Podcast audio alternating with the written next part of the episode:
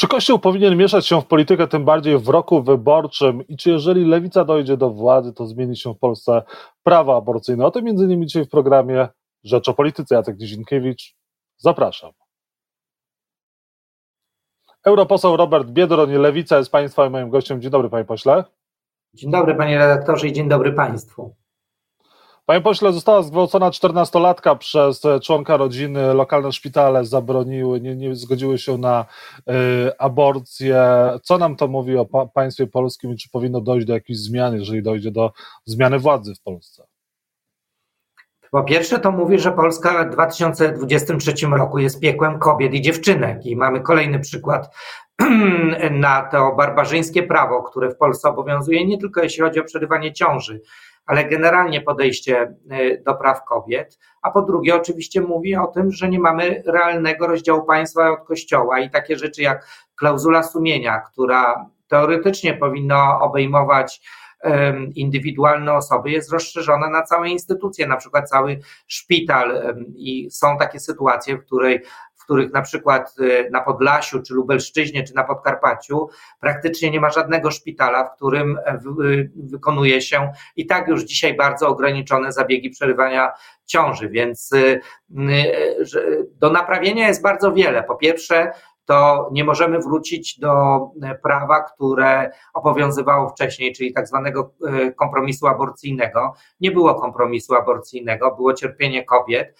Po drugie, musimy zlikwidować to barbarzyńskie prawo, które wprowadził PiS, które de facto całkowicie zakazało aborcji. I po trzecie, przy, przywrócić e, w tej sprawie prawo do decydowania samym kobietom. To one powinny decydować, bo to jest ich życie, ich ciało, ich brzuch i ich wybór. Jeśli chodzi o klauzulę sumienia, no to jest oczywiście relikt, który jest symbolem, a w praktyce niestety pałką do okładania tych, którzy nie są pokorni wobec Kościoła katolickiego. Taką pałkę dało się ludziom pracującym w służbie zdrowia, którzy część z nich stosuje to, żeby zasłonić się, unikać odpowiedzialności, nie podejmować ważnych decyzji ratujących często życie kobiet. Ja przypomnę, przez barbarzyńskie prawo w Polsce, które wprowadził tak, tak zwany Trybunał Konstytucyjny swoim tak zwanym orzeczeniem, mamy już co najmniej sześć potwierdzonych przypadków śmierci kobiet. Wczoraj mieliśmy już ostatnie zdanie Wczoraj mieliśmy 31 e, finał Wielkiej Orkiestry Świątecznej Pomocy, gdzie zbierano pieniądze na walkę z sepsą. Przypomnę, że Izabela z Pszczyny, jedna z ofiar tego barbarzyńskiego prawa, której odmawiano e, zabiegu aborcji, zmarła między innymi przez powikłania związane właśnie z sepsą. Jeżeli doszłoby do zmiany władzy, a lewica byłaby z jednym, jednym z ugrupowań rządzących, czy wy będziecie dążyć do zmiany prawa aborcyjnego i czy w ogóle z Platformą Polską 2050, jeżeli to byliby wasi koalicjanci, jesteście w stanie cokolwiek zmienić? No to jest jeden z powodów, dla których w ogóle trzeba głosować na lewicę. Jeżeli ktoś z Państwa chce, żeby doszło do tej zmiany, żeby kobiety mogły decydować o swoim życiu, powinien głosować na lewicę, bo my będziemy przyszłym parlamencie po to, jeżeli opozycja wygra, i w przyszłym rządzie po to, żeby dopilnować, żeby te sprawy zostały rozwiązane, między innymi to obok wielu innych. I ja oczywiście mam wątpliwości, czy wszyscy koledzy i koleżanki na opozycji dojrzeli do tego, że mamy XXI wiek i kobiety powinny same móc decydować o tym. Przyznaję, mam wątpliwości i nie wiem, jaka będzie kompozycja przyszłego parlamentu, ale wiem jedno: im więcej będzie lewicy, tym większa szansa na to, żeby to prawo zmienić i żeby przywrócić w Polsce normalność. Pan będzie kandydował w wyborach parlamentarnych, czy wyklucza pan powrót z Europarlamentu nie, nie wykluczam. E, nie podjęliśmy jeszcze tego typu decyzji, ale wszystkie scenariusze są możliwe. Ja, jako współprzewodniczący lewicy, zrobię wszystko, żeby lewica miała jak najlepszy wynik. Prowadziłem lewicę w 2019 roku do udanych wyborów parlamentarnych dla lewicy. Połączyliśmy lewicę trzy pokolenia razem, wiosnę i SLD. Powstała nowa formacja e, lewicy. Do tej pory lewica była podzielona. Lewica zawsze wygrywa, kiedy jest zjednoczona. Więc w moim interesie i w interesie wszystkich ludzi, którzy mają serce po lewej stronie, jest, żeby, e, żeby ten wynik e, powtórzyć, a być może nawet doprowadzić do lepszego wyniku. I jeżeli trzeba będzie, to ja podejmę odpowiednie także osobiste decyzje w tej sprawie. A jedna lista opozycji przed wyborem na wybory parlamentarne jest jeszcze możliwa, czy to jest mrzonka, na którą nie powinniśmy tracić czasu? No to przede wszystkim fascynuje, mam takie wrażenie publicystów, e, bo my na opozycji współpracujemy ze sobą i e, mamy mnóstwo inicjatyw wspólnych, jak na przykład Pakt Senacki, czy wspólne e, próby wotum nieufności wobec członków rządu, wiele inicjatyw dotyczących wspólnych ustaw, ale oczywiście, żeby powstały wspólne listy, do tanga trzeba czworga. Tego czworga dzisiaj nie ma. Rozumiem, że Szymon Hołownia ma inną perspektywę niż Lewica czy Platforma Obywatelska. My jako Lewica mówimy jasno. My jesteśmy gotowi do utworzenia takiej kompozycji e, list, które po pierwsze odsuną PiS od władzy, a po drugie dadzą opozycji jak największą ilość mandatów. I to powinno być e, e, naszym wspólnym celem. Więc my nie wykluczamy żadnego scenariusza, czekając na to, jakie decyzje podejmą inni, którzy w tej sprawie ograniczają te scenariusze, na przykład do dwóch, trzech list, czy nawet czterech list. My pójdziemy do wyborów przygotowani. Powołaliśmy jako lewica już e, swojego kandydata na szefa sztabu, Włodka Czarzastego, współprzewodniczącego lewicy, bardzo doświadczonego zresztą, jeśli chodzi o kampanię.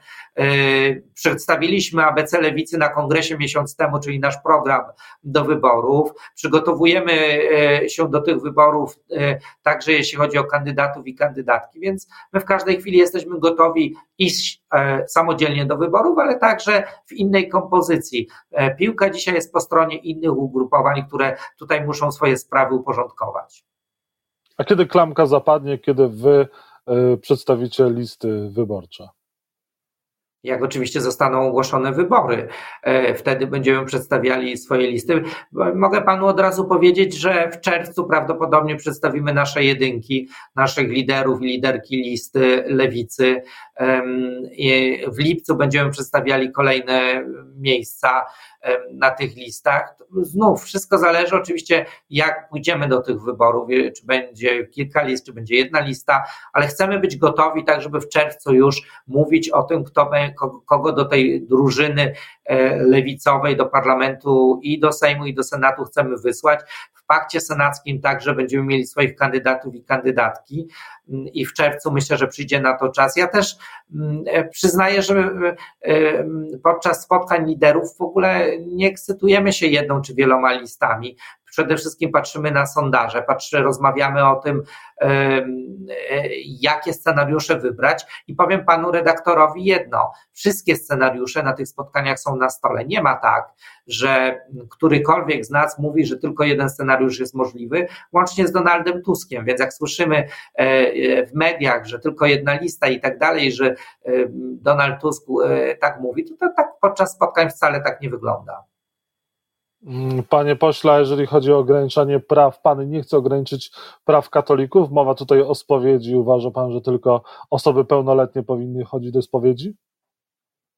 No spowiedź e, indywidualna dzieci na pewno się nie sprawdziła. Ja przypomnę, pan redaktor na pewno dobrze pamięta, nie żeby żył wtedy, ale pamięta, że spowiedź dzieci obowiązuje od 1910 roku. Wprowadził ją dekretem Pius X jest to swego rodzaju eksperyment, który się nie udał. Widać dzisiaj e, po tych wszystkich aferach pedofilskich, że księża e, pierwszy rekonesans, jeśli chodzi o swoje ofiary, często wykorzystują poprzez właśnie konfesjonał i, i, i, i tą spowiedź powszechną w interesie też przede wszystkim e, rodziców, powinno się znieść. E, cała zresztą spowiedź indywidualna obowiązuje w kościele od Soboru Trydenckiego, czyli od XVI wieku. Jak poczytacie Państwo historię Polski, to, e, to nie jest wcale tradycja chrześcijańska, żeby była spowiedź indywidualna. Chłopów biczowano, którzy nie chcieli się poddać temu rygorowi. Stosowano różnego rodzaju restrykcje wobec nich,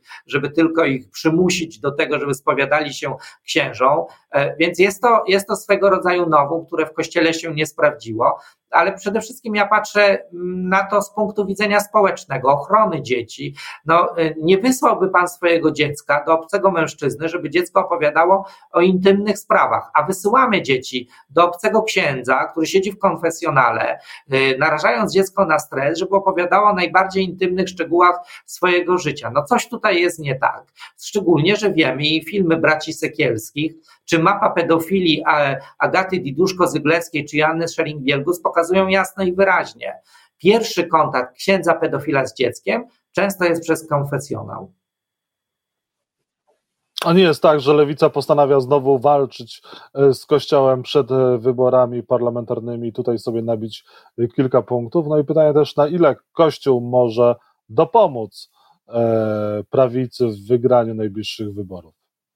Kościół przede wszystkim e, pomaga rodzicom zrozumieć, na jak wielkie niebezpieczeństwo często narażają swoje dzieci przez udział w tego typu spowiedzi z obcymi mężczyznami. Ale e, e, my jako lewica chcemy przede wszystkim uporządkować relacje państwo-kościół. Nie mamy ich uporządkowanych. Pan redaktor często zresztą o tym pisze, jak publiczne pieniądze wyciekają na wspieranie kościoła. Przypomnę, ojciec Rydzyk dostał ostatnio na przykład 700 tysięcy złotych, żeby promować służbę wojskową wśród wśród y, seniorów. No przepraszam, ale y, y, ja nie chciałbym, żeby powstawała brygada Radia Maryja Wojsk Obrony Terytorialnej, bo nie taka jest rola i Radia Maryja i nie taka jest rola państwa, żeby wspierać tego typu inicjatywy. I tych przykładów, jak państwo hojnie wspiera Kościół katolicki, tak przecież grzesznie bogaty jest bardzo wiele. Jak pisze się ustawy pod dyktando biskupów i jak biskupi są wyłączeni spod tej jurysdykcji, jurysdykcji. I my, jako